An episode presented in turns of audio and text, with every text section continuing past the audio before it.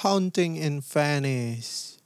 Selamat datang kembali di Movie Corner Indonesia. Gua akhirnya kembali setelah lama tidak mengupload podcast. Terakhir gue bikin OOT bareng penulis Saranjana, Audi Harahap. By the way, congratulations untuk filmnya udah rilis. Sayangnya gua nggak suka horor, jadi mohon maaf.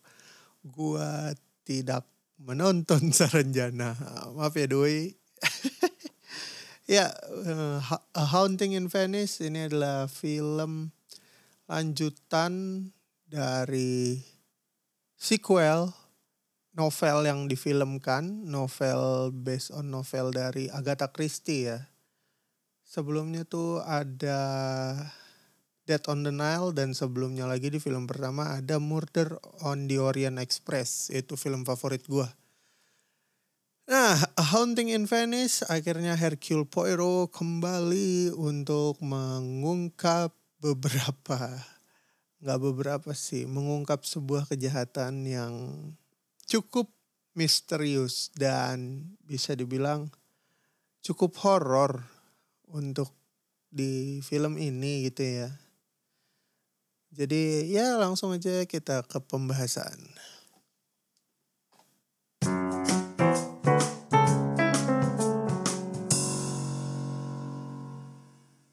A Haunting in Venice. Ini gue bacain sinopsisnya.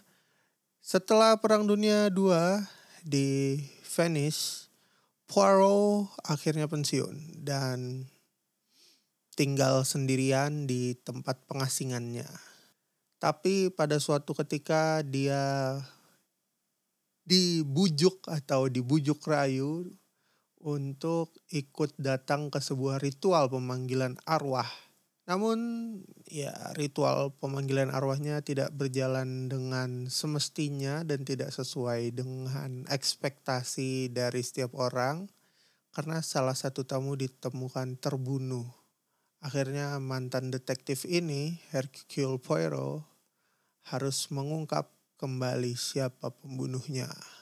Apakah benar ada kejanggalan dan hal-hal mistis yang terlibat dalam pembunuhan ini lengkapnya kita bahas di episode Haunting in Venice dari Movie Corner Indonesia.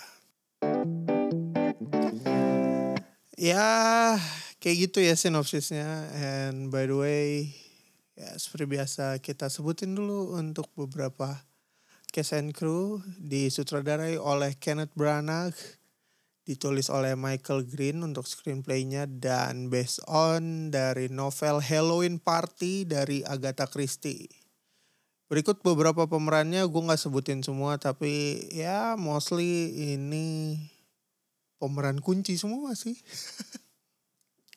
Ada Kenneth Branagh sebagai Hercule Poirot atau Hercule Poirot ya terserah nyebutnya gimana. Terus ada Dylan Corbett Butters sebagai Baker Nah, itu barusan gak penting. Ada Amir El Masri sebagai Alessandro Longo, ada Ricardo Scamarcio sebagai Vitale Portfoglio, ada Fernando Piloni sebagai Vincenzo Di Stefano, ada Michelle Yeoh sebagai Joyce Reynolds, ini dia bisa dibilang sebagai dukun. Terus ada Emma Laird sebagai Desdemona Holland. Ada Vanessa Ivediora sebagai Sister Maria Felicitas. Ada Kel Allen Maxim sebagai Maxim Gerard. Terus ada Ali Khan sebagai Nicholas Holland. Dia ber bisa dibilang kakak beradik lah ya dengan si Desdemona Holland. Ada Esther Ray Tillotson sebagai Alicia Drake waktu muda. Terus ada Tina Fey sebagai Arian Ariadne Oliver. Ah, iya itu. Terus ada Kelly Reilly sebagai Rowena Drake. Ini bisa dibilang sebagai ibunya dari Alicia Drake. Terus yang paling gokil ada Jude Hill sebagai Leopold Ferrier.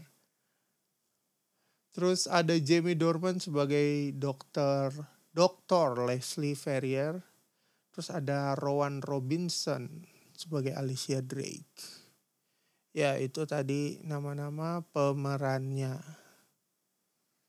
Kita lanjut lagi ke pembahasan. Ah, jujur ini udah lama banget gua nggak upload podcast agak sedikit karatan kayaknya nih ilmu bermonolog gua. Jaelah, banyak kan gaya ya Allah. Anyway, uh, A Haunting in Venice. Ya, ini film yang sebenarnya udah gue tunggu-tunggu dan akhirnya rilis juga. Gue nonton ini di kurang lebih itu penayangan hari kedua lah. Ya, waktu itu hari biasa dan waktu itu gue belum dapat kerja, jadi masih fleksibel waktunya. Gue cukup terkejut karena tidak menyangka bahwa Kenneth Branagh mengeksplor sisi-sisi mistis dari film ini dengan amat sangat memukau menurut gue ya. Kenapa gue bisa bilang memukau? Ada banyak eksekusi-eksekusi dari kamera movement, cara dia bercerita lewat beberapa adegan meskipun gak ada penjelasan atau gak pakai suara itu beda banget dibandingin Murder on the Orient Express dan Dead on the Nile. Jujur, gue kecewa dengan Dead on the Nile. Tapi ketika gue nonton A Haunting in Venice ini gue kayak ketemu sama makanan yang udah lama banget nggak gue cicipin gitu loh tapi dengan sentuhan rasa baru yang mana ternyata malah jadi lebih enak, lebih gokil lah kayak gitu. Itu tadi hal-hal yang gue sebutin ketika gue nonton di bioskop itu cukup epic. Ya dengan setelan Dolby Atmos dan layar gede gitu ya kan sangat amat memukau. Cuman gue nggak tahu ya kalau nanti tiba-tiba dia muncul di Disney Plus atau di OTT kayaknya nggak seepik itu. Ya banyak eksekusi-eksekusi adegan yang kayaknya kalau nonton di layar kecil tuh nggak maksimal. Udah gitu cukup kaget karena eksekusinya benar-benar bisa gue bilang di luar dari bayangan gue karena ya gue ngerasa kayak film horor gitu-gitu aja gak sih? Uh, modelnya gitu ya kan. Paling ntar ngagetin terus pakai suara. Ini enggak bisa dibilang gue ngerasa pas lagi nonton itu ini nih ini film horor yang bagus. Meskipun sebenarnya cerita misteri gitu ya. Yang terasa horor gitu. Banyak banyak banget adegan-adegan yang gue takut spoiler, apalagi ketika lagi ritual pemanggilan setan, itu cukup ngagetin dan cukup bikin gue ger gitu. Epic banget eksekusi dari Kenneth Branagh untuk film A Haunting in Venice ini. Nah, uh, itu tadi gue sudah memuji-muji banyak tentang filmnya. Kita lihat dulu skor yang ada di IMDb. Skor di IMDb ini cukup unik. Dia cuma dapat 6,7 per 10. Kenapa gue bilang cukup unik? Karena ada 39 ribu orang dengan nilai rata-rata 6,7 per 10. Gue rasa agak kurang layak ya untuk diberikan segitu. Harusnya ya paling enggak 7 lah. Karena untuk rating gue pribadi gue ngerasa ini tuh di angka tujuh setengah sampai delapan lah. Ya ya kurang lebih segitu. Kenapa gua ngasih tujuh setengah ke delapan? Eksekusinya bagus banget. Kekurangannya cuma satu ceritanya ketebak. Gue jujur belum pernah baca novel Agatha Christie kayaknya satupun yang jelas Murder on the Orient Express dan Dead on the Nile itu gue nggak pernah baca. Satu novel pun dari kedua film itu dan A Haunting in Venice gue juga bisa jamin gue belum pernah baca novelnya. Dari awal film ketika gue ngeliat beberapa adegan yang mencerit menceritakan backgroundnya itu tuh gue udah tahu siapa yang membunuh dan siapa dalangnya. Cuman gimana eksekusinya aja nih perlu banyak bukti.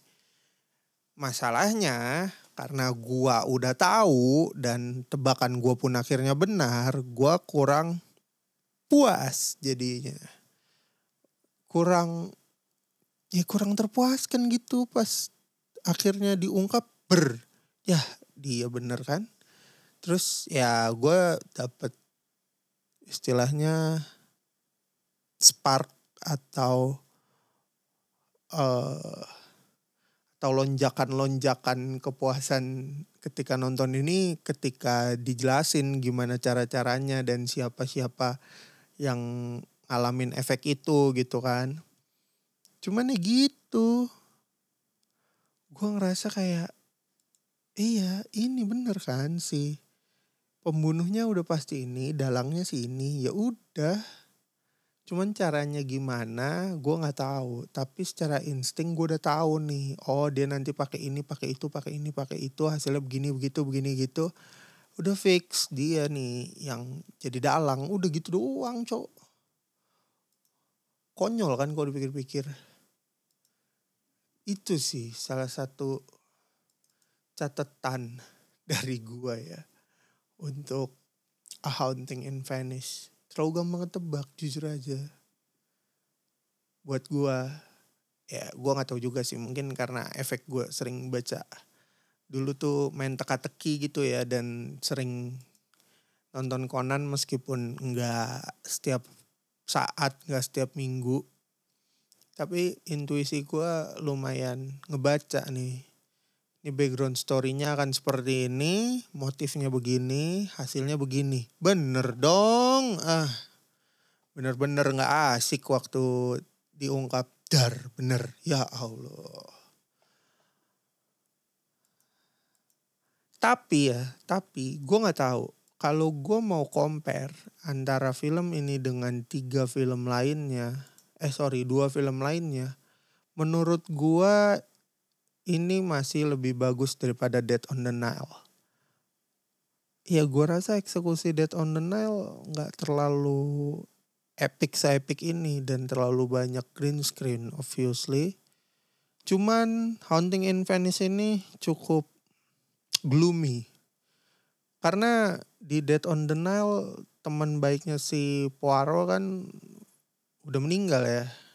Buat yang belum nonton Dead on the Nile sorry kalau tadi barusan gue spoiler tapi ya udah bodo amat itu film udah lama juga anyway dan udah ada di Disney Plus. Jadi ya lu tonton aja. Kayak gitu sih. Dead on the Nile tuh terasa kurang secara eksekusinya juga ngerasa meh meskipun banyak cara dan istilahnya trik-trik untuk dalam tanda kutip ya membunuh banyak korbannya itu tuh cukup ajaib-ajaib.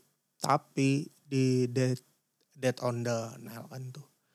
Di A Haunting in Venice sih eksekusinya menurut gue luar biasa. Meskipun ya ceritanya ketebak. Iya kayak gitu. Gue harap sih cepet-cepet ya ada di OTT. Karena gue pengen nonton lagi jujur aja. Gue pengen nonton lagi, pengen terkejut-terkejut lagi.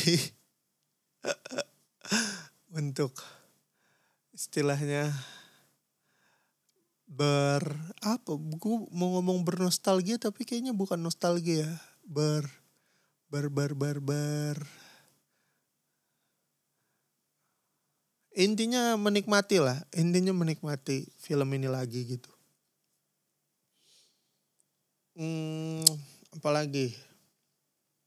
Ya secara overall nilai, nilai gue untuk A Haunting in Venice itu di 7,7 lah ya, 775. Gue sangat appreciate dengan eksekusi produksinya, artnya keren, case-nya juga keren. Michelle Yo berubah banget dari emak-emak yang gue kenal cukup sombong dan berkelas tiba-tiba berubah jadi dukun anjir. Kocak, kocak.